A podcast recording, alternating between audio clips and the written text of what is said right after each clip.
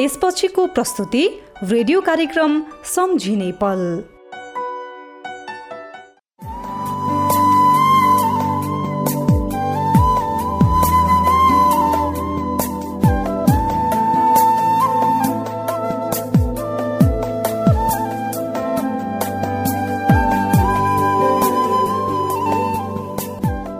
नमस्कार रेडियो कार्यक्रम सम्झिने पलमा तपाईँलाई हार्दिक स्वागत छ। यो कार्यक्रम तपाईँ प्रत्येक हप्ताको यही समयमा यही रेडियो स्टेसन मार्फत सुन्दै आउनु भएको छ। मेरो नाम हो प्रेम विश्वकर्मा र मलाई प्राविधिक रूपमा सहयोग गर्दै हुनुहुन्छ साथी राजकुमार चौधरीले। हामी प्रत्येक हप्तामा नयाँ नयाँ जीवनको कथा तपाईँमा लिएर आइपुग्ने गर्दछौँ। आज पनि त्यस्तै एउटा जीवनको कथा तपाईँमाझ लिएर आइपुगेका छौँ। आज हामी बर्दियाको गुलरिया स्थित महाकवि देवकोटा माविका प्रधानाध्यापक तथा गणित विषयका एकजना दक्ष शिक्षक च्यामुलाल चौधरीको जीवन कथा तपाईँमाझ प्रस्तुत गर्नेछौँ। कार्यक्रमको सुरुवातमा जोड्छौँ। यो समधुर गीत।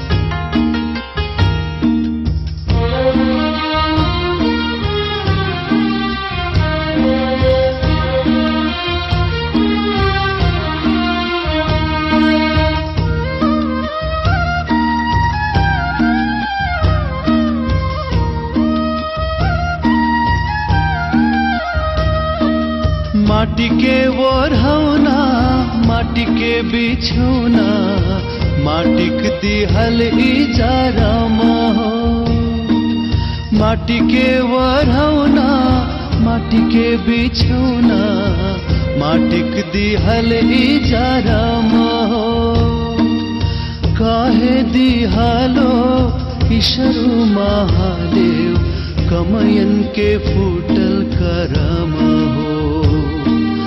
काहे दिहालो ईशनु महादेव कमयन के फूटल करम हो।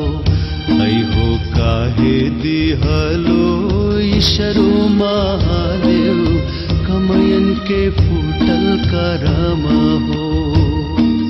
कैसी नजारम, दिहलो भगनवा जुनी भार कामैया हो। कैसी नजारम दिहलो भगनवा जुनी भार कमैया हो। वैसी का बीटा हमारा जरमवा, जैसे सुखेर हर दिक पटिया हो। वैसी का बीटा हमारा जरमवा जैसे सुखेर हर दिख पटिया हो। ऐ हो वैसी कविता हमारा जारमवा जैसे सुखी हर दिख पटिया हो।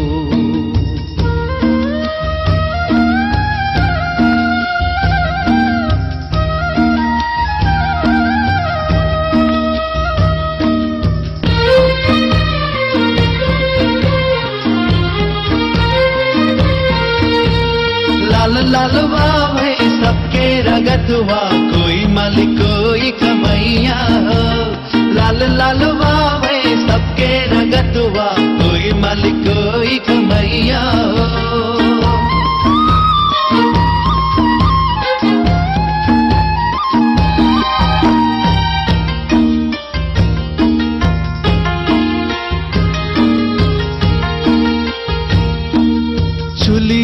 परट जावे खरहिक धाना, जैसे बारही मलिकाना हो।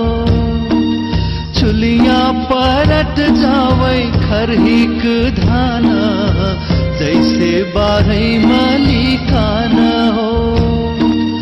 हमरा कमैयन निखरा जैसे निखरी घानक धान हो। हाम्रा कमैयन निखरट गैली जैसे निखरी घानक धान हो। ऐ हो हाम्रा कमैयन निखरट गैली जैसे निखरी घानक धान हो। फाटट गई लंगिया कहीं चुनरी फाटल जू कहीं झुलवा हो।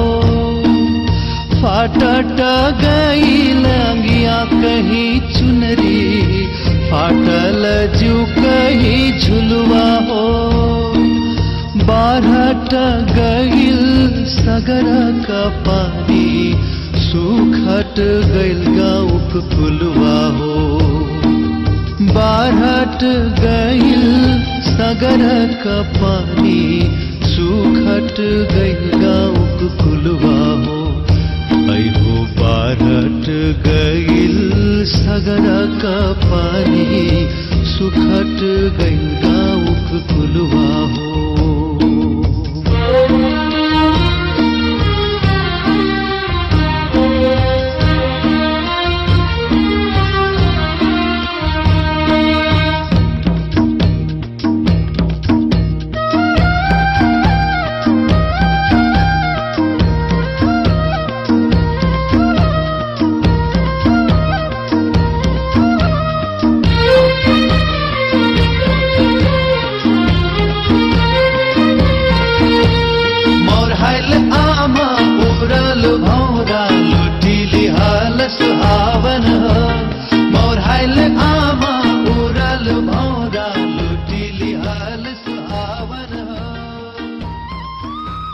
यो समधुर गीतपछि तपाईँलाई रेडियो कार्यक्रम सम्झिने पलमा स्वागत छ।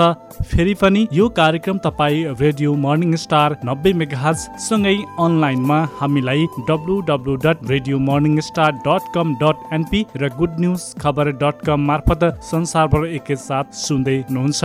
हामी हप्तामा तिन दिन तपाईँ माझ आउने गर्दछौँ। आइतबार राति नौ बजेपछि बुधबार अपरान्न चार बजेपछि र शनिबार बिहान एघार बजेपछि। अब लागौँ आजको रेडियो कार्यक्रम सम्झिने पलतर्फ। आजको सम्झिने पलमा हामी महाकवि देवकोटा मावि गुलरिया बर्दियाका प्रधानाध्यापक तथा गणित विषयका शिक्षक च्यामुलाल चौधरीको जीवन कथा तपाईँमाझ जोड्दैछौ। उहाँको स्थायी घर बाँके नै हो तर उहाँ शिक्षण गर्ने सिलसिलामा बर्दियाको स्थायी बासी बन्न पुग्नु भएको छ। हामी उहाँको जीवन कथा सुन्न र सुनाउनका लागि उहाँकै निवासमा पुगेर कुराकानी गर्दैछौँ। अब लागौँ च्यामुलाल चौधरीको जीवन कथातर्फ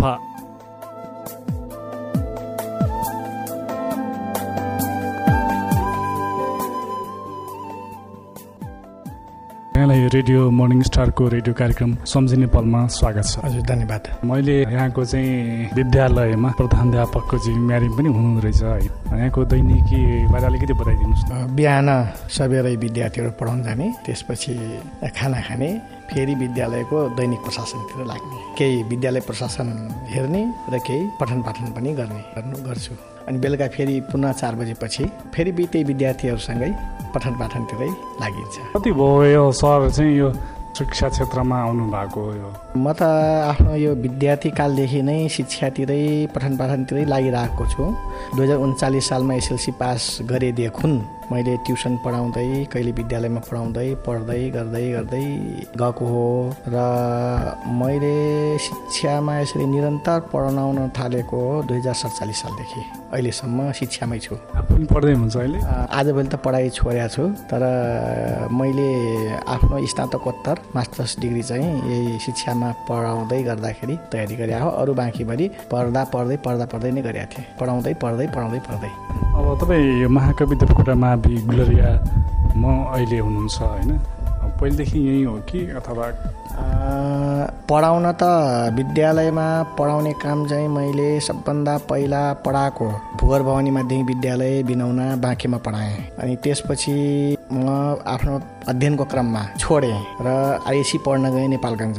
त्यसपछि पुनः फेरि त्यही वि- भुवर भवानी माविमै पढाएँ करिब डेढ वर्ष जति। त्यसपछि पिएचसी पढ्न गएँ। र बिएससी पढ्दै गर्दाखेरि काठमाडौँमा राष्ट्रिय माध्यमिक विद्यालय इन्द्रायणी साना गाउँ भन्ने गाउँमा त्यहाँ पनि मैले तिन चार वर्ष जति अध्यापन गरेँ र बिएससी पनि पढ्दै गरेँ। त्यहाँबाट बिएससी कम्प्लिट भइसकेपछि म फेरि पुनः गाउँतिरै फर्केर सरस्वती माध्यमिक विद्यालय भुवनेपुरमा पढाएँ। त्यहाँबाट फेरि पुनः भोर भवानी मावि बिनौनामै फर्केँ र त्यहाँबाट म दुई वर्ष जति शिक्षा कार्यालय बर्दिया मा अस्थायी बिनीको रूपमा दुई वर्ष जति सेवा गरेँ र पुनः फेरि फर्केर शिक्षामै फर्केँ। दुई हजार चौवन्न सालमा कुसुमेश्वर माध्यमिक विद्यालय कुसुम बाँकेमै फर्केँ। त्यहाँ करिब चौवन्न दुई हजार चौवन्न सालदेखि उन्साठी सालसम्म त्यहीँ पढाएँ र उन्साठी सालमा म जानकी मावि खजुरामा सर भएर आएको थिएँ। त्यहाँ आठ नौ महिना जति के पढाएको थिएँ साठी सालमा म यो दुई हजार बाहन्न सालको आयोगको रिजल्ट आइसकेपछि मलाई म बर्दियाबाटै आयोगको प्रतिस्पर्धा गरेको कारणले गर्दाखेरि र यही महाकवि देवकोटा माध्यमिक विद्यालयमै दुई हजार साठी साल असोज एक गतिदेखि म कार्यरत छु। अहिलेसम्म यहीँ नै छु। घर नै यहीँ कि कताबाट आउनुभयो? मेरो खास स्थायी घर चाहिँ बाँके नै हो। बिनौना गाविस हाल अहिले राप्ती सोनारी गाउँपालिका वडा नम्बर पाँच बिनौनामै पर्छ। अब म दुई हजार साठी सालमा यहाँ आएपछि यहाँ पनि सानसानो छाप्रो घर छ र यहीँ छ र यहीँ नै मैले आफ्नो केटाकेटीहरूको स्थायी बसोबास चाहिँ यहीँ नै राखेको छु। जिन्दगी यतै बितिरहेको छ तर खास मेरो घर चाहिँ आज बिनौनामै हो। बिनौनामा पैतृक थलो त्यही नै छ त्यहीँ जान्छौँ। आमा हुनुहुन्छ भाइहरू छन् त्यतैतिर। फर्किन्छु बेला बेलामा।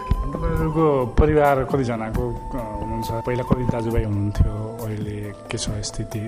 अलिकति त्यो विगतमा कति सालमा जन्मिनु भयो बारेमा भनिदिनु। म जन्मेको दुई हजार तेइस साल यो पनि यो के हो भने बाबुआमाले भनेको मौखिक कुनै कागजपत्र छैन मेरो। त्यसैको आधारमा दुई हजार तेइस साल मङ्सिर दस गते मेरो जन्म मिति देखिन्छ र मेरो जन्म भनेको दाङमा भएको हो। सानैमा म मलाई बाबुआमाले त्यहाँबाट बसाइ सराई गरेर यता ल्याउनु भएको बाँकेमा। र त्यहीँबाटै मेरो पठन पाठन एक कक्षाको पठन पाठन यहीँ बाँकेमा आइसकेपछि। त्यतिखेर दाङबाट आउँदाखेरि सानो थिएँ। मलाई अलिअलि मात्रै थाहा छ आउनु र धेरै जानकारी छैन। अठाइस सालमा आएको हामी। र हाम्रो परिवारमा अब हामी पाँच भाइ। म जेठो छोरो नै हो र एक बहिनी हो हामी परिवारमा। अब तर अब सबै आफ्नो बन्दोबस्ती भएको छ अहिले।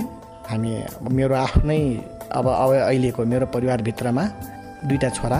मेरो परिवार म र आमा गरेर हामी पाँचै परिवार मात्रै मैले आफूलाई परिवारको रूपमा भन्न चाहन्छु। किनभनेदेखि अरू अरू भाइहरूले आफ्नो बन्दोबस्ती गरेका छन्। हामी पाँचै परिवार मात्रै छौँ। तपाईँको सुरुदेखिको परिवारमा भन्दाखेरि सरकारी जागिरमा खास गरी शिक्षा क्षेत्रमा आउने तपाईँ मात्रै हो कि अरू पनि हुनुहुन्छ? हजुर सबभन्दा पहिलो आएको म हो। त्यसपछि शिक्षामा आएको मेरो आफ्नो पाँच भाइमध्येमा त शिक्षामा अरू कोही छैन तर निजामती कर्मचारीतिर छैनन् पुलिस प्रशासनतिर मेरो काइलो भाइ अहिले असै छ। माइलो चाहिँ खासै पढ्न सकेन साइलो पढ्न त पढ्यो तर त्यो निजामती कर्मचारीतिर जागिरतिर आएन। ऊ आफ्नो व्यवसाय गर्दै गर्दै गर्दै अहिले कोरिया पुगेको छ। त्यो कोरियातिर छ। कान्छो भाइ पनि विदेशतिरै छ। माइलोको छोरा पनि एउटा कोरियामै छ। यसरी जे होस् हामी जागिर खामा आउने हामी दुई भाइ मात्रै हो खासै। अनि त्यति बेला अब तपाईँले अघि पनि भन्नुभएको थियो म पढाउँदै पढ्दै गरेँ भनेर। होइन त्यतिखेर आर्थिक स्थिति कस्तो थियो र अहिले त धेरै राम्रो पनि होला? त्यो बेलाको आर्थिक अवस्था त साह्रै नाजुक हो मेरो। किनभने हाम्रो बुवा आमाहरूको त्यतिखेरको बुवाको सम्पत्ति केही पनि थिएन। अब दाङबाट आउँदै जाँदाखेरि पहिला बाउहरू यहाँ कमैयाकै रूपमा बस्नु भएकै हो। खेती किसानी गर्दै गर्दै मलाई पनि पढाउँदै अब हाम्रो ठुलो परिवार थियो त्यतिखेर। बुवाहरू नै तिन भाइ थिए बुवाको परिवार ठुलो बाउको परिवार काकाको परिवार गर्दै जाँदाखेरि हामी परिवार ठुलो थियौँ। तर पनि परिवारमा लगभग लगभग अब म नै पढेको म नै हो पहिलो व्यक्ति। र परिवारमा लगभग सबै भाइ भतिजाहरूलाई नै पढाएर निकालिएको छ। अरू भाइहरू पनि छन् कोही मेडिकल लाइनमा छ कोही शिक्षामै पनि छ। एकजना अर्को काकाको छोरा पनि टिचरै छ अहिले। कोही आफ्नो व्यवसायहरू गरेका छन् पसलहरू चलाएर बसेका छन्। यसरी जे होस् मेरो हाम्रो आर्थिक अवस्था पहिला नाजुकै हो। तर अहिले यस्तै हेर्दै जाँदाखेरि पहिलाको सम्झिँदाखेरि त हामी धेरै राम्रो भएको छ भन्ने मलाई लाग्छ। अब त्यो सरकारी क्षेत्रमा प्रवेश गर्नु भएपछि होइन यहाँको एउटा एउटा दक्षता त छँदैछ होइन। धेरैले अब च्यामु सर भन्ने बित्तिकै गणितको चाहिँ एकदमै विशेषज्ञ छोए कि सबै काम हुने जस्तो मान्छन् होइन। बर्दियामा खास गरी अरू ठाउँमा पनि धेरैले चिन्नु पनि हुन्छ होला। कसरी हुन सफल हुनुभयो? मेरो खास इन्ट्रेस्ट पढाउने इन्ट्रेस्ट भनेको मैले सबै विषय पढाउँथेँ पहिला। अङ्ग्रेजीदेखि लिएर गणित विज्ञान सबै पढाउँथेँ। तर बिस्तारै बिस्तारै के भयो भने सबै विषय समात्दै जाँदाखेरि सबैतिर भ्याउन गाह्रो पर्न थाल्यो। र मेरो यो पढाउने जुन इन्ट्रेस्ट हो पहिल्यैदेखि नै हो। म आफू पढ्दैखेरि पनि गाउँतिरका केटाकेटीहरूलाई यसो बोलाएरै घरमै बोलाएर पढाउने चलन थियो मेरो। म पढ्दैखेरि विद्यार्थी कालैदेखि टोल्ला मोल्लाका केटाकेटीहरूलाई ल्याउँथेँ र गणितमा मेरो इन्ट्रेस्ट एकै कक्षादेखि नै थियो। अरू विषयको बारेमा त्यस्तो कमजोर त होइन तर पनि गणित धेरै इन्ट्रेस्टेड नै हो। र अब कस्तो भयो भने परिवेश पनि त्यस्तै पर्यो। म साइन्स पढ्छु साइन्सै पढ्न पर्छ र जागिरै खान पर्छ भन्ने जुन भित्र त्यतिखेरको मेरो भित्रैबाट जो चाहना थियो त्यो चाहना पुरा गर्ने क्रममा साइन्सै पढेँ आइएससी पढेँ बिएससी पढेँ होइन। पढ्न त एमएससीतिर पनि पढेकै हो तर एमएससी क्लियर नगरिकन मैले पछि एमएड गरेँ शिक्षामा लागिसकेपछि। र यो पढाउने क्रममा बेला बेलामा के भयो भने मभन्दा सिनियर सरहरूले मलाई बढी गणिततिर हौसला पनि दिएकै हो। म आफ्नो कालमा केही क्वेसनहरू कस्तो कस्तो टिपिकल खालका क्वेसनहरू जुन हुन्थ्यो त्यो क्वेसन पनि म हल गरिहाल्थेँ। हल गर्दाखेरि सरहरूले पनि गणिततिर मलाई बढी नै चासो दिनुभयो हौसला गर्नुभयो। र पछि म खासै गणितमा अहिले धेरै दक्षता पाएको भन्नाले पढेर मात्रै पनि हुँदो रहेनछ। यो विभिन्न ट्रेनिङहरू सञ्चालन गर्ने क्रममा नेपालमा शैक्षिक तालिम केन्द्र हुँदै गर्दाखेरि म त्यो तालिम केन्द्रमा पनि प्रशिक्षकको रूप- रूपमा जुन हामीले म प्रशिक्षक गर्दै गएँ र बाँके बर्दिया जुम्ला हुम्ला विभिन्न ठाउँका हाम्रा मावि निमाविका शिक्षक साथीहरूसँग जो अन्तर्क्रिया गर्दै जाँदाखेरि त्यसले मलाई वास्तवमा गणितमा अलिक बढी नै दखलता हासिल गराइदिएको हो कि जस्तो लाग्छ। र म अर्को पनि के भन्छु भने मलाई गणितमा इन्ट्रेस्टेड अलिक बढी अझ भित्र गणितको बढी अध्ययन गराउन बाध्य तुल्याउने मेरा विद्यार्थीहरू हुन्। विद्यार्थीहरूले बढी चाहना राखिदिने शिक्षक साथीहरूले पनि मैसँग बढी चाहना राख्ने कुनै क्वेसनहरू समाधान हुन नसकेपछि ए च्यामु सर ल्याउ लौ न यो क्वेसन कसो हो? भनेर फोनैमा भए पनि हल गराउन खोज्ने। त्यसले त मलाई के गराउन खोज्यो भन्दाखेरि म प्रति धेरै आ आशावान छन् त्यस कारण म अलि जान्ने नै हुनुपर्छ भनेर मलाई पनि अध्ययन गराउन बाध्य तुल्याएर मलाई गणितमा बढी दखलता मिलेकै हो भन्ने लाग्छ। बर्दियामा अब बाँकीमा होइन धेरैले चिन्नु पनि हुन्छ। अहिलेसम्म कति चाहिँ पढाउनु भयो होला तपाईँले यस्ता विद्यार्थीहरू जस्तो? अब खास गरी त एसएलसी पछि त तपाईँकोमा गहिरो नै लाग्छ। फुर्सदै हुँदैन होला सायद। अब मैले पढाएको विद्यार्थी अब उतापट्टिको नगरौँ दुई हजार चौवन्न सालदेखि अहिलेसम्मको विद्यार्थीहरूको गणना गर्दै जाने हो भने पहिला सुरु सुरुमा पचास साठी विद्यार्थी हुन्थे उत्पादन बिस्तारै बिस्तारै डबल हुँदै हुँदै हुँदै हुँदै जाँदा अहिले मैले यो यो चार पाँच वर्षको दौरानमा मा वार्षिक हजार पन्ध्र सय विद्यार्थी उत्पादन हुन्छन् मैले पढाएका विद्यार्थीहरू। म्याथमा मात्रै जस्तै भनौँ न यो जब यो ग्रेड वृद्धिको विद्यार्थीहरू आउँछन् पहिला एक्जामटेड विद्यार्थीहरू आउँथे अब वर्षमा हजार बाह्र सय विद्यार्थी त पक्कै पढाउँथ्यो त। त्यो हिसाबले जोड्दै जाने हो भने साठी सालदेखि उता चौवन्नको कुरा छोड्दाखेरि साठी सालदेखि यता आउँदाखेरि पन्ध्र वर्ष सोह्र वर्षको दौरानमा पन्ध्र हजार सोह्र हजार त विद्यार्थी पक्कै भयो होला नि त पढाएको त। थुप्रै टिचरहरू हुनुहुन्छ होइन शिक्षकहरू हुनुहुन्छ अरू विद्यालयहरू पनि छन् सरकारी पनि छन् अब निजी क्षेत्रका पनि छन् तर अलिकति विद्यार्थी चाहिँ अनुतीर्ण भयो विषयमा। ब्याग लाग्यो भने तपाईँलाई खोज्दै आउँछ किन होला? अब पहिलाको पढाइ कस्तो हुन्छ भन्दाखेरि शिक्षकले पढाउने क्रममा अब ऊ आफ्नो पाठ्यक्रमभित्र बाँधिएको हुन्छ। पाठ्य पुस्तक र पाठ्यक्रमलाई बाँधिएर पढाइराखेको हुन्छ ऊ आफ्नो कोर्स पनि पुरा गर्न पर्ने हुन्छ शैक्षिक सत्रभित्र। त्यस कारण यतापट्टि शिक्षक साथीहरूले रिभिजन गर्न भ्याइराखेका हुँदैनन्। बच्चाले के खोज्छ भन्दाखेरि बच्चालाई हामीले गणित पास गराउनको लागि के चाहिँदो रहेछ भने एउटै टपिक्सलाई दुई तिन पटक रिभाइज गराइदिन सकेको खण्डमा ऊ राम्ररी बुझ्छ र हल गर्न सक्छ। अब त्यो रिभिजनको अभावमा सुरुमा एक्जाम दिँदाखेरि बच्चाहरू असफल हुन्छन्। तर जब जब यो रिजल्ट निस्किसकेपछि ग्रेड वृद्धिको लागि पूरक परीक्षाको लागि जो बच्चाहरू आउँछ नि त्यतिखेर उसलाई दुईवटा कुरा छ त्यहाँ। एक वर्ष त पढिसकेको हुन्छ नि केही विषयवस्तुहरू जानिसकेका हुन्छ। एकातिर त्यो छ भने दोस्रोतिर के हुन्छ? त्यतिखेर उसको मनभित्र के हुन्छ भने म अब कसरी म जसरी पनि पास हुनुपर्छ भन्ने एकातिर उसको त्यो कन्फिडेन्स त्यो त्यो सोच हुन्छ। त्यो आशा लिएर ऊ जबरजस्ती पढिराखेकै हुन्छ मिहिनेत गर्छ। र अर्को के हुन्छ हामी यो ग्रेड वृद्धिको बेलामा पढाउने क्रममा धेरै डिपली पढाउनु पढाउँदैनौँ त्यो एकदम भित्र गएर धेरै विषयवस्तुहरू दिएर पढाउन थाल्दाखेरि समयले भ्याउँदैन। अनि त्यो समयमा मैले पढाउने क्रममा परीक्षालाई मध्यनजर गरेर परीक्षामा कस्ता खालका क्वेसनहरू आउँछन्? अब ग्रेड वृद्धिको परीक्षामा कस्तो खालको क्वेसनहरू आउला भनेर त्यतातिर बढी जोड गरेको कारणले बच्चाहरू पास हुन्छन् र म कहाँ आउने कारण त्यही जस्तो यो विद्यार्थीहरू अब सब फेल हुनुभन्दा पहिले नै पनि होइन विभिन्न विद्यालयहरूमा पढ्ने बेलामा पनि अब यो यो कुरामा ध्यान दिए भने सायद उनीहरू फेल हुनु पर्दैन थियो। अब म्याथमा होइन साइन्समा इङ्ग्लिसमा होइन अरू अरू विषयहरूमा छन्। विद्यालय शिक्षकहरूमा पनि कमी कमजोरी पनि होला होइन धेरै ठाउँ पनि अब यहाँ पुग्नु भएको छ केही छ त्यस्तो। के कारणले अलिकति यो समस्या आउँछ भने जस्तो मात्रै चाहिँ आउँदैन। अनि त्यो बेलामा शिक्षक साथीहरूले अथवा विद्यार्थी स्वयंले पनि उसले वृहत कुरा हेरिराखेको हुन्छ।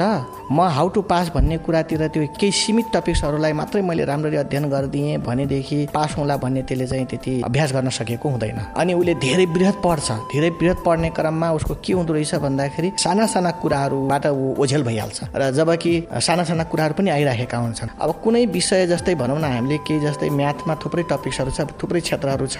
उसले केही क्षेत्रलाई मात्रै कुनै बच्चाले अब धेरै राम्रो जान्ने बच्चाले त सबै क्षेत्रको सबै विषयको सबै प्रकारका प्रश्नहरू सकेसम्म बढीभन्दा बढी अध्ययन गर्न चाहन्छ र गर्नु पनि पर्छ। तर जो पास हुन नसक्ने अलिक कमजोर खालको म्याथमा कमजोर खालको कोही बच्चा छ भनेदेखि उसले केही सीमित क्षेत्रलाई सीमित टपिक्सलाई मात्र लिएर उसले तयारी राम्ररी त्यसको गहिरो अध्ययन गरिदिने हो भने धेरै विषयवस्तु उसले पढ्नुपर्छ भन्ने छैन। थोरै पढिदिए पढ्यो भनेदेखि त्यो कन्फिडेन्ट हुन्छ। तर के हुन्छ अब जम्मै पढ्छ न यता क्लियर हुन्छ न उता क्लियर हुन्छ न यताको क्वेसन राम्ररी समाधान गर्न सक्छ न उताको क्वेसन समाधान गर्न सक्छ।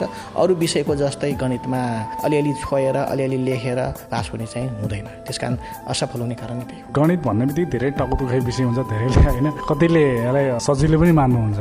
यसलाई सजिलो बनाउने तरिका के के हुन सक्छन्? जस्तो अब कतिपय शिक्षकहरूलाई पनि पढाउने बेला पनि टकटुखाइ विषय हुनसक्छ होइन? अब मैले के भन्छु भने हाम्रा शिक्षक साथीहरूलाई यसमा सकेसम्म हाम्रो शिक्षाविदहरूले दिएका केही सिकाएका सिद्धान्तहरू छन्। त्यो ब्रुनरले के भनेका छन् भने स्ट्रक्चर इन्ट्रेस्ट रेडिनेस भन्छ। यो तिनवटा कुराहरूलाई बहुत राम्ररी ख्याल गर्नुपर्ने छ। हामीले पढाउँदै जाँदाखेरि मैले धेरै कुरा जानेको छु भन्दैमा धेरै कुरा बच्चालाई दिनु सिकाउनु उति त्यति राम्रो हुँदैन। बच्चालाई सिकाउनको लागि सबभन्दा पहिला स्ट्रक्चर चाहिन्छ। स्ट्रक्चरबाट जानुभयो भने बच्चाले सजिलैसँग सिक्छ। तर अर्को कुरा बच्चामा इन्ट्रेस्ट पनि सिर्जना गरिदिन सक्नुपर्छ हामीले। बच्चामा इन्ट्रेस्ट छैन भने हामीले जति कोसिस गरे पनि बच्चाले सिक्दै सिक्दैन। किनभने उसँग इन्ट्रेस्टै छैन। चाहनै छैन रुचि नै छैन। रुचि जगाइदिने काम हामीले गर्नुपर्छ शिक्षकले। त्यसपछि अर्को कुरा बच्चा रेडी हुनुपर्छ तयारी हुनुपर्छ। मैले रेडी भनेको दुई तिन तरिकाले हुन्छ। ऊ मानसिक रूपमा तयार हुनुपर्छ। एक दोस्रो कुरा विषयवस्तुमा प्रवेश गर्दाखेरि विषयवस्तुलाई रेडी गराउनको लागि। बच्चालाई त्यतिखेर त्यहाँनिर पुरा रुचि तयार पार्नको लागि त विभिन्न किसिमको एक्टिभिटी पनि दिन सक्नुपर्छ उसलाई हँसाएर हुन्छ कि कुनै तरिकाले आकर्षण गरेर हुनसक्छ कि अथवा कुनै जे होस् जसरी भए पनि विषयवस्तुतिर आकर्षण गरेपछि बल्ल त्यसमा रुचि पैदा हुन्छ। अनि बल्ल हामी विषयवस्तुमा जाने हो भने बच्चाले बुझ्न सक्छ। म्याथ भनेको एउटा गेम हो खेल हो। बच्चा जब खेलप्रति रुचि एकपटक मात्रै जाग्यो भने अनि बल्ल त्यो गेमतिर त्यो आकर्षित हुन्छ। प्र्याक्टिस गरिरहन्छ गरिरहन्छ। उसलाई त्यही मात्रै गेम त्यो गेम जसरी उसलाई रुचि भइराखेको हुन्छ म्याथमा त्यस्तै गरी रुचि हुनुपर्छ। सुरुमा उसका केही बच्चाले खोज्छ के भन्दाखेरि गणितका हिसाबहरू गर्दै गर्दै गयो। एउटा हिसाब गर्यो उत्तर मिलेन अर्को हिसाब गरे उत्तर मिलेन। किताब फालिदिन्छ त्यसपछि। उसले चाहिँ त्यो हिसाब गर्नै चाहँदैन। तर हामीले के गरिदिन सक्नुपर्छ भन्दा बच्चाले उत्तर मिलाउने बाटो तयार गरिदिन सक्नुपर्छ। के गर्दा बच्चाले उत्तर मिलाउन सक्छ? बच्चाले एउटा हिसाब गर्यो उत्तर मिल्यो खुसी हुन्छ। फेरि अर्को हिसाब गर्यो उत्तर मिल्यो अझ खुसी हुन्छ। त्यो खुसी हुँदै गयो भनेदेखि त्यसलाई त्यो पढ्न इन्ट्रेस्ट हुँदो रहेछ। त्यसैले अब गणितका केही धारणाहरू तल्लो कक्षामा नपाएको हुनसक्छ त्यो धारणा त्यहाँनिर क्लियर गरिदिन पर्छ। र त्यसपछि एन्सर मिलाउनका लागि त कति ठाउँमा त अब हाम्रो क्यालकुलेटर युज गराइदिन सक्नुपर्छ। क्यालकुलेटर युज गर्दै गयो भने बच्चाले एन्सर मिलाउँछ। एन्सर मिलायो भने उसलाई पढ्न बडा रुचि जाग्छ। हो हामीले गर्ने भनेको यो तिनवटा कुरा हो मैले जानेको स्ट्रक्चर दिन सक्नु पर्यो एक अनि बच्चालाई रेडी गराउन सक्नु पर्यो दुई बच्चामा रुचि पैदा गरिदिन सक्नु। यति भयो भने बच्चा गणितमा पक्कै पनि असफल हुन्छ भन्ने मलाई लाग्दैन यसमा चाहिँ अब राम्रो शिक्षा नतिजा ल्याउनको लागि होइन शिक्षक विद्यार्थी अभिभावकको पनि दायित्व हुन्छ भन्छन् होइन। यसमा शिक्षक विद्यार्थीको कुरा त आयो अभिभावकको कुरा अलिकति पनि जोड दिनु कि। हजुर अब शिक्षक सबै कुरा शिक्षक हो भन्ने होइन। शिक्षकले त बाटो देखाइदिने हो। अब एउटा बच्चा विद्यालयमा कुल जम्मा दैनिक छ घन्टा बस्छ र मलाई लाग्छ वर्षभरिको कुरा गर्दै जाने भने एउटा विषयमा बच्चा बढीमा बढी मलाई लाग्छ पचास सय घन्टाको आसपासमा मात्रै एउटा विषय पढ्न पाउँछ बच्चा एक वर्षभरिमा। एउटा विषय। अब सय घन्टा पढ्ने क्रममा त्यसलाई चाहिँ हामीले दैनिक दिनमा जोड्दाखेरि त उही बढी भने चार दिन त हो नि। एउटा विषयमा चार दिन मात्रै भयो। बाँकी त अरू आफ्नै बाउआमाकै घरमा बसेको हुन्छ गाउँ बाउआमासँगै बसेको हुन्छ स्कुलको के टिचरको सम्पर्कभन्दा बाहिरै हुन्छ। भनेदेखि अब बच्चालाई सुधार्नका लागि टिचरले मात्रै चाहेर टिचरको मात्रै कोसिसले हुनै सक्दैन। बच्चा खुब आफै बच्चाभित्र आफैमा पनि रुचि हुन पर्यो। बच्चाभित्र आफैमा पनि म यो हुन चाहन्छु यो गर्न सक्छु भनेर त्यतातिरको भनौँ न उसँग प्रतिबद्धता पनि हुन पर्यो। र त्यो बाटोमा बच्चालाई सही मार्गमा लगाउनका लागि अभिभावकको सबैभन्दा ठुलो भूमिका हुन्छ। किनभने धेरै समय त अभिभावकसँगै बसिएको छ त बच्चा।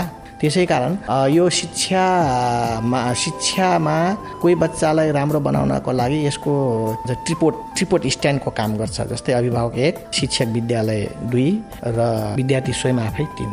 यिनी तिन पक्ष त्रिपक्षीय प्रयासबाट मात्रै शिक्षाको सफलता बच्चाले सफलता पाउन सक्छ शिक्षामा। र अभिभावकले बढीभन्दा बढी आफ्नो बच्चालाई ठिकै छ उसले अब कोही भनौँ अशिक्षित अभिभावक छन् भन्दैमा त्यसले बच्चालाई केही गर्नै जान्दैन केही भन्नै सक्दैन केही बच्चालाई मार्गनिर्देशनै गर्न सक्दैन भन्ने होइन। अब अरू अरू वातावरण त घराइसी वातावरण बनाइ तयार गरिदिने भनेको त अभिभावकले हो नि त बाबुआमाले नै हो। नि त्यसैले बाबुआमाको भूमिका मलाई लाग्छ शिक्षकको भन्दा बढी नै देखिन्छ। समयको हिसाब। अनि त फेरि अब सबै शिक्षक नै हो जिम्मेवार भन्छन् नि। होइन शिक्षाको स्ट्रक्चर दिने काम त। स्ट्रक्चर दिने। मैले अघि नै भनिरहेको छु। स्ट्रक्चर दिने काम चाहिँ शिक्षकको हो रुचि पैदा गराइदिने काम शिक्षकको हो तर तयारी गराइदिने काम त उनीहरूकै अभिभावकको हो नि त। वातावरण तयार गरिदिने कसले? अभिभावकले गरिदिनु परेन। अब विद्यालयमा त कति घन्टा बढीमा बढी छ घन्टा बाँकी अरू त उहीँ हुन्छ त्यहाँको वातावरण घरको वातावरण त अभिभावकले गरिदिनु पऱ्यो परेन। त्यसैले शिक्षक शिक्षक ठुलो कुरा हो। सबभन्दा पहिला स्ट्रक्चर त दिनै पर्छ नि त। तर अभिभावकको पनि त्यसमा कम भूमिका छ भन्ने चाहिँ हामीले त्यसलाई कम आकल गर्न राम्रो होइन अनि यहाँको अब यो बसाइ रहेको ठाउँ पनि चारैतिर चाहिँ अब यो म्याथ गणितकै सूत्रहरू देखिन्छन् जब चारैतिर होइन? अब यससँग सम्बन्धित कुराहरू बढी छन् होइन?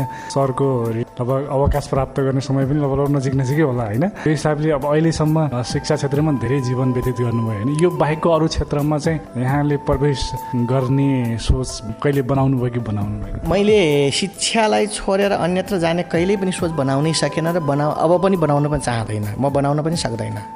मैले मेरो अब शैक्षिक अवकाश लिउँ भन्ने हो भने चार वर्ष बचेको छ।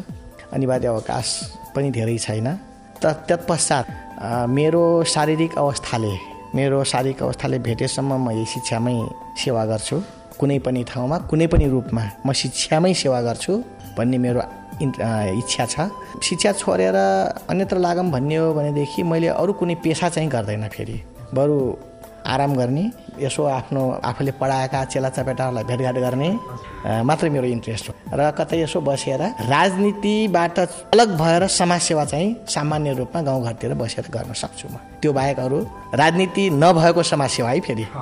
त्यो बाहेकहरू मैले गर्दैन। मेरो इच्छा छैन। मैले सोच पनि बनाउँदैन मलाई मन पनि पर्दै पर्दैन। त्यस कारण म अरू त्यो सोच बनाउँदै बनाउँदैन। जीवनमा होइन मान्छेको धेरै अब केही न केही कमाइ हुन्छ भन्छन् नि होइन? जस्तो अब मान्छेले मैले अहिलेसम्म यति कमाएँ मतलब यो घर बनाए जग्गा किने अथवा चाहिँ मैले यति धेरै विद्यार्थीहरूलाई चाहिँ पढाएँ होइन? त्यही नै मेरो सन्तुष्टि कुरा हो भन्ने कुरा हुन्छ नि। त्यस्तो हजुर केही छ त्यस्तो? अब मैले सबैभन्दा ठुलो जीवनको कमाइ भनेको त मैले धेरै विद्यार्थीहरूलाई शिक्षा दिएर सन्तुष्ट पार्न सकेँ भन्ने नै मैले त्यसलाई सम्पत्ति माने पहिलो। र आर्थिक रूपमा पनि मैले कम कमाएँ भन्ने म आफूलाई दुःख मनाइ गर्ने अवस्थामा छैन। किनभने म शिक्षा क्षेत्रमा लागेर मैले पैसा पनि कमाएकै हो सम्पत्ति पनि कमाएकै छु। यतिले म आफू सन्तुष्ट छु।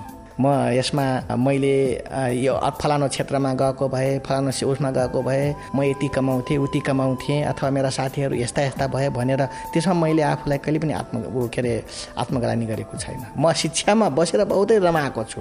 मलाई लाग्छ मैले अहिले पढाउने क्रममा बाँकिया पढाएँ काठमाडौँ पनि पढाएँ त्यसपछि अब बर्दिया त पढाएँ नै मेरो सेवा क्षेत्र खास त बर्दिया नै भयो। तर पनि म कहाँ पढ्न आउने यो पहाडतिरबाट दैलेख जाजरकोट जुम्ला हुम्लातिरका पनि केही विद्यार्थी भाइ बहिनीहरू म कहाँ पढ्न आइपुगेका छन्। यता पश्चिमतिर बैतरी डडेलधुराकातिर पनि कोही एकाध जो यहाँ हाम्रा कोही कर्मचारीहरू हुनुहुन्छ सेवाको कारणले गर्दा बच्चाहरू यसो पढ्नु पर्यो भने कहाँ लैजाने त भन्दाखेरि लिही ल्याएर म कहाँ पढाइराख्नु भएको छ। म यसैमा सन्तुष्ट छु। त्यो नै मेरो सबभन्दा ठुलो सम्पत्ति हो। तपाईँले पढाउनु भएको होइन? त्यस्तो कुनै विद्यार्थी अथवा म्याथै राम्रो पढाउनु भएको साइन्स इङ्ग्लिस पढाउनु भएको त्यस्तो कुनै अहिले नाम लिने पानमा माथि अहिलेको सेलिब्रेटी हुन्छ नि चर्चित भनेको कोही हुनुहुन्छ त्यस्तो? अब मैले पढाएका विद्यार्थीहरू त अब डक्टर इन्जिनियर त थुप्रै छन् थुप्रै छन्। अब तिनीहरूको मैले नाम यहाँ भनेर साध्यै छैन ती भाइ बहिनीहरूको यो त अब आफ्नो कामको क्षेत्र भयो होइन घर परिवारको कुरातिर पनि छ जस्तो घर परिवारलाई समय दिने होइन घर परिवारमा चाहिँ सुख शान्ति समृद्धि ल्याउने भन्ने कुराहरू पनि छ। यो तर्फ यहाँको के छ? कसरी अब सर त बिहानदेखि साँझसम्मै स्कुलतिरै बिताउनुहुन्छ होइन शिक्षाकै काममा बढी चाहिँ लाग्नुहुन्छ। यो बाहेक अरू आफ्नो आन्तरिक कुराहरू जस्तो अब घर परिवारसँग कहिले घुम्न जाने नयाँ ठाउँ सिक्ने होइन?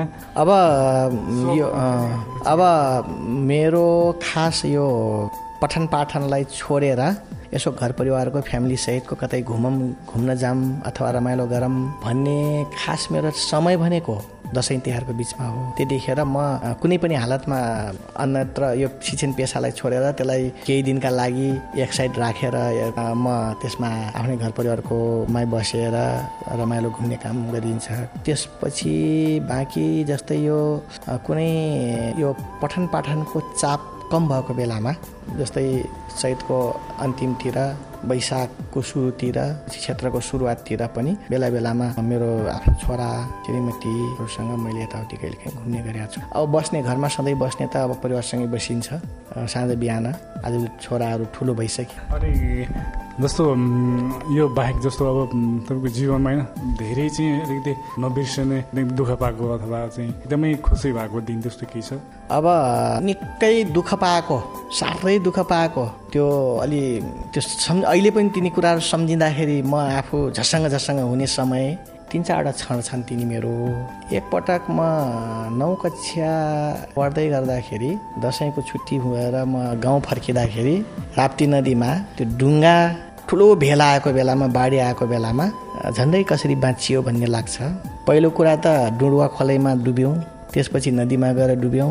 दुई दिन हामीले खानै सक केही खानै पाइएन। किनभने गएको दिन बिहानै गइयो दिनभरि डुडुवा खोलामा फसियो। त्यसपछि राप्ती तर्न जाँदाखेरि राप्तीमा पनि दिनभरि बसियो बरु अरू गइहाल्यो हामी पछि परिहाल्यौँ बेलुकै जान पाइयो। बडा मुस्किल त्यो पनि बहुत तगडा बाढी। बाढी पनि कस्तो डर लाग्दो त्यो बाढीमा त्यो बहुत मलाई डर लाग्छ अब सम्झिँदाखेरि। र केही बाटामा यो पढाइकै क्रममा एउटा मलाई साह्रै अप्ठ्यारो भएको काठमाडौँबाट आउँदै जाँदाखेरि बाटोमा पहिरो गएर तिन दिनसम्म बस्न पर्यो भोकै। तिन दिनसम्म भोकै बस्न पर्दाखेरि त्यो साह्रै सोध्दै जाँदाखेरि पानी पनि नखाएर बस्नु पऱ्यो त्यतिखेर विद्यार्थी कालमा। पैसो पनि नभएको खाने पनि नभएको यो हाम्रो भालुबाङदेखि उतापट्टिको पहिरोमा बसियो। हिँडेर पनि आउन नसक्ने झोला झम्टा पनि बोक्न नसक्ने त्यो पनि भयो। अब सुखको क्षण भन्दाखेरि त अब यसैमा म धेरै खुसी भएँ भन्ने कुरा त मेरो खासै त्यस्तो चाहिँ छैन। अब अघि पछि सधैँ खुसी नै छ सधैँ हाँसिरहन्छु। मलाई चाहिँ हाँस्ने कतै कतै त यो हाँस्ने मलाई उपमा पनि दिएका छन् हाँस्ने। र धेरै खुसी भएको ठ्याक्कै यही हो भन्न त मैले सक्दैन। अब सन्तान पाएको दिन पनि खुसी धेरै भन्न पनि त्यो पनि अब सबै भइराख्ने कुरा हो। विभिन्न समयमा परीक्षामा पास हुँदा पनि धेरै परीक्षामा पास भइयो। असफल हुन्छु भन्ने त मैले चिताउँदै चिताएन कहिले। त्यस कारण पासै हुन्छु भन्ने ठ्याक्कै छ भनेदेखि त्यो पास भइसकेको धेरै खुसी पनि मान्न पर्ने अवस्था थिएन। त्यो प्रधानध्यापक हुँदाखेरि म खुसी खासै भएन। त्यसमा एउटा नयाँ किसिमको बोझ आयो। म बा म आफ्नो इच्छाले हेडमास्टर भएको चाहिँ होइन। स्कुलको आवश्यकता अनुसारले मलाई चाहिँ प्रधानध्यापक बनाइएको हो। अब अहिले म प्रधानध्यापक भएको पाँचौँ वर्ष चलिरहेको छ। जो एउटा प्रधानाध्यापक हुँदाखेरि एउटा परीक्षा प्रणालीबाट आएको हो। सिधै समितिले बनाउने अथवा अरूको शिक्षाकाले निमित्त दिने त्यसरी होइन। परीक्षा दिएर प्रधानाध्यापकको प्रतिस्पर्धा गरेर आएको हुनाले त्यहाँ पनि धेरै खुसी चाहिँ हुने अवस्था होइन। र हेडमास्टर हुँदैमा खुसी चाहिँ छँदै छैन बरु। धेरै शिक्षक शिक्षिकाहरूलाई अब अलिकति जिउन गाह्रो हुन्छ। भने जस्तो चाहिँ आम्दानी पनि हुँदैन होइन? अब अब निजी क्षेत्रमा पढाउने सानो कक्षाका शिक्षकहरूलाई झनै समस्या छ होइन? सो मुख्य विषय गणित इङ्ग्लिस साइन्स विज्ञान पढाउने उनीहरूलाई ट्युसन अथवा अरू कक्षा लिएर पनि अलिअलि चाहिँ आम्दानी गर्न सकिन्छ। अनि अब तलब जुन चौमासिक रूपमा आउने त्यो पनि समस्या छ भन्ने चाहिँ कुरा पनि गर्नुहुन्छ। तपाईँको जीवन चाहिँ कस्तो रह्यो यो? अब घर चलाउने सन्दर्भमा पहिला पहिला बाँकेतिर हुँदाखेरि भरि मलाई कहिले तलब आउला र कहिले यसो मिठो मसिनो खाए खान नपाइएला खुवाउन पाइएला भन्ने सोचिन्थ्यो हुन्थ्यो अवस्था। म बर्दियामा आइसकेपछि हुन त बाँकेमा पनि त्यति धेरै त भएन तर पनि यस बर्दियाको तुलनामा जब म बर्दियामा आएँ बर्दियामा आइसकेपछि मैले पूर्ण रूपमा आफूलाई शिक्षामा नै आफूलाई बढी समर्पित गरेँ। त्यो कारणले गर्दाखेरि म कहाँ घरमा आएर अब आजभोलिको रूपमा भन्दाखेरि ट्युसन पढ्ने विद्यार्थीहरू म कहाँ कहिले पनि कम भएनन्। त्यसकारण मिठो मसिनो खानका लागि राम्रो लगाउनको लागि चाहेका कुराहरू आफूले गर्नका लागि छोराछोरीलाई दिनका लागि चाहेका कुराहरू यसो आफ्नो स्तरअनुसारको दिनलाई मलाई अहिले बर्दियामा आएर कहिले पनि भएन। त्यो मैले भनौँ न सानो सामान्य पैसाको अभावमा इच्छालाई दबाउन नै पर्ने अवस्था चाहिँ म कहाँ भएन अहिलेसम्म। म त्यही भन्छु। अब विभिन्न अब थारू होइन अब अब दलितहरू भनौँ होइन अनि विभिन्न समुदायहरू छन् होइन कतिले चाहिँ अवसरै पाइँदैन अवसरै दिँदैनन् होइन गाह्रो छ भन्छन् अनि त्यसपछि कतिले चाहिँ अब विभिन्न चाहिँ राजनीतिक मन पर्दैन भन्नु हो त्यतातिर पनि जोड्छन् होइन। मान्छेले चाहिँ अवसरलाई कसरी चिन्ने कसरी चाहिँ सदुपयोग गर्न सक्यो भने सफलता प्राप्त गर्न सकिँदै रहेछ चाहे अवसर नहुँदा नहुँदै पनि। अब अवसर भन्ने कुरो त फेरि कस्तो हुन्छ भने पहिला आफूले चाहेको विषय चाहेको क्षेत्रमा अवसर पाउनु पर्यो। र अवसर पाउने पाउनका लागि पनि आफूले त्यही क्षेत्रमा तयारी गर्नुपर्ने हुन्छ। अब जस्तै कोही शिक्षा शिक्षा क्षेत्रमा आउन चाहन्छ शिक्षणमा आउन चाहन्छ शिक्षक बन्छु भन्छ भनेदेखि त विज्ञापन निक्लिसकेपछि शिक्षकको तयारी किताब किन्न जाने होइन। पहिलेदेखि तयारी गरिराख्नु पर्यो। कोही चाहिँ नै म अब निजामती क्षेत्रतिर जान्छु भन्छ भने त्यतितिरको तयारी गरिराख्नै पर्यो। विज्ञापन भर्ने अनि किताब खोज्ने अनि बल्ल अध्ययन गर्ने। त्यसरी हुन्छ हुँदैन नि त। त्यसकारण तयारी भन्ने कुरा प्रवेश गर्नका लागि पहिल्यैदेखि आफूले चाहेको आफूले रुचाएको आफूलाई इन्ट्रेस्ट भएको विषयभित्र त्यसलाई छनौट गरिसकेपछि लागि पर्नुपर्छ कसैले देला गरौँला होइन? अब अहिले त छ नि अहिले त अवसर मिलिरहेछ त। जस्तै विभिन्न किसिमका आरक्षणहरू कोटाहरू छुट्याइएको छ। त्यसलाई पनि सदुपयोग गर्न सक्नुपर्ने हुन्छ। खुल्ला त छँदैछ। खुल्लामा त छँदैछ तर आफ्नै आरक्षणभित्र पनि त कमसेकम प्रतिस्पर्धा गर्नका लागि आफ्नै भाइ भतिजाहरूसँग पनि हुन्छ नि भाइ भतिजा भनेको आफ्नै आरक्षण कोटाभित्र पनि आफू अव्वल हुँ भन्न पार्नका लागि त अग्रिम तयारी गरिराख्नुपर्ने हुन्छ। अनि बल्ल त्यहाँ सफलता पाइन्छ। हुन्छ अति व्यस्त भएर पनि यहाँले समय दिनुभयो आफ्नो कुरा राखिदिनु भयो यहाँलाई धेरै धेरै धन्यवाद। हवस् धन्यवाद। यहाँलाई पनि धेरै धेरै धन्यवाद। यस्तो अवसर दिनुभयो। कमसेकम मेरा विचारहरू आफ्नो एफएम मार्फत जो प्रसारण गर्नुहुनेछ यसमा म धेरै धेरै आभारी छु।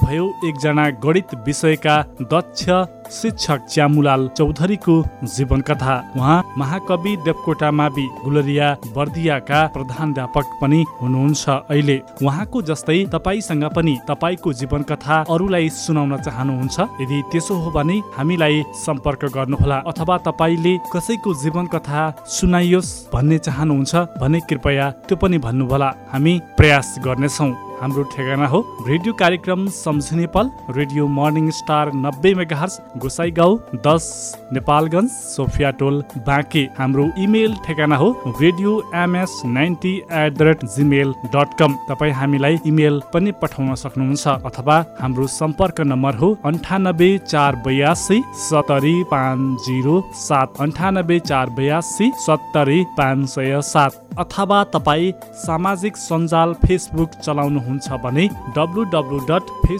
dot com slash radio morning star ninety search गरी हामीलाई त्यो म्यासेज टुल्समा गएर म्यासेज पनि पठाउन सक्नुहुन्छ र रेडियोको पेजलाई लाइक पनि गर्न सक्नुहुन्छ र कुन हप्ता कसको जीवन कथा आउँदैछ भन्ने कुराको जानकारी पनि त्यहाँबाट प्राप्त गर्न सक्नुहुनेछ। हवस् त हामीलाई रेडियो मर्निङ स्टार नब्बे मेगाहरूसँगै अनलाइनमा W W dot radio morning star dot com dot NP र गुड न्युज खबर डट कमबाट सुनेर साथ दिनुभयो। तपाईँ सबैलाई एकैसाथ धेरै धेरै धन्यवाद। धन्यवाद। प्राविधिक साथी राजकुमार चौधरीलाई पनि भन्दै आजको रेडियो कार्यक्रम सम्झिने पलबाट प्रेम विश्वकर्मा बिदा हुन्छु। नमस्कार। सम्झिँदै रहनुहोला।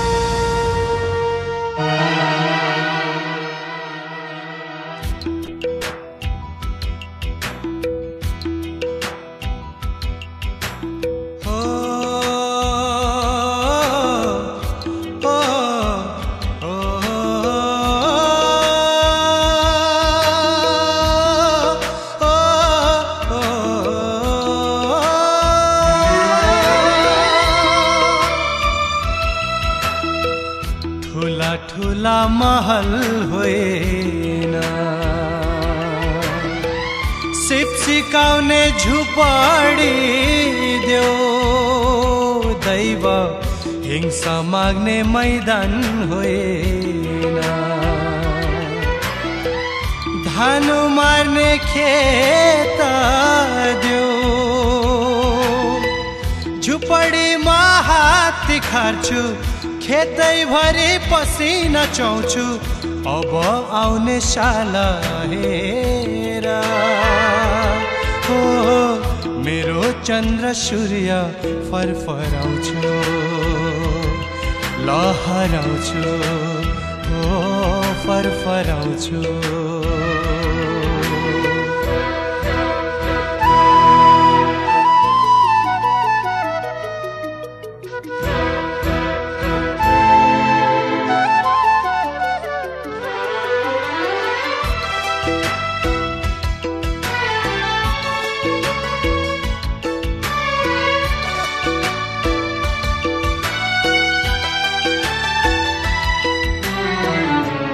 भोकालाई भोजन देऊ लाजलाई ढाकिदेऊ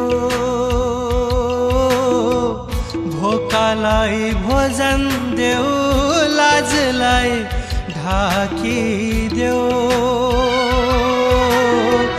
प्यासीलाई चट्टान फुटाऊ रुखो खेतमा बादल खसाऊ बाझो कोखमा मुला फुटाऊ। बाझो कोखमा मुला फुटाऊ रगत माग्ने तलवार होइन। मसी माग्ने कलम देऊ। राजन धेरै बोल्ने ओठा होइन।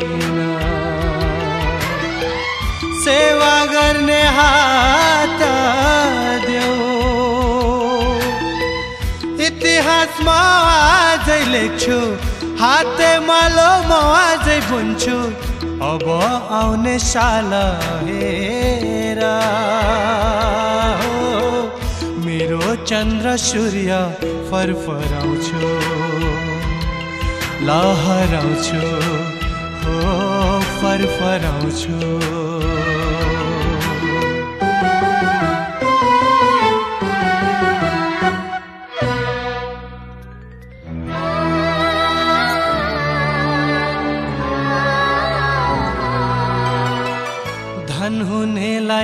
नदेऊ मन हुनेलाई सारथी बनाऊ। धन हुनेलाई मन देऊ मन हुनेलाई सारथी बनाऊ। प्रीति गाँस्ने साइनो देऊ गाउँ गाउँ पुग्ने पाइला देऊ फेरि एउटा बुद्ध पठाऊ। फेरि एउटा बुद्ध पठाऊ धरती फोड्ने बारुद होइन मन फर्काउने ज्ञान देऊ दैव मागी हिँड्ने जोगी होइन दर्शन बाँड्ने पुजारी म बुद्धत्व पाउँछु। दर्शन पाइ म पहिला सार्छु। अब आउने साल हेरा। मेरो चन्द्र सूर्य फरफराउँछु। लहराउँछु। ओ फरफराउँछु। लहराउँछु। ओ फरफराउँछु।